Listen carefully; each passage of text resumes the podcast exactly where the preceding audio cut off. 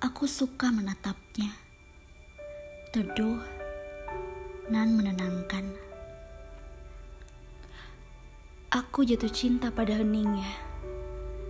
Mirip dengan hidupku yang penuh dengan keramaian yang sepi di dalamnya. Aku suka memandangnya. Embun-embun pagi yang menyapa angkasa. Seringkali aku berandai ingin menjadi embun yang kehadirannya tak disadari sekitar, tapi menyejukkan.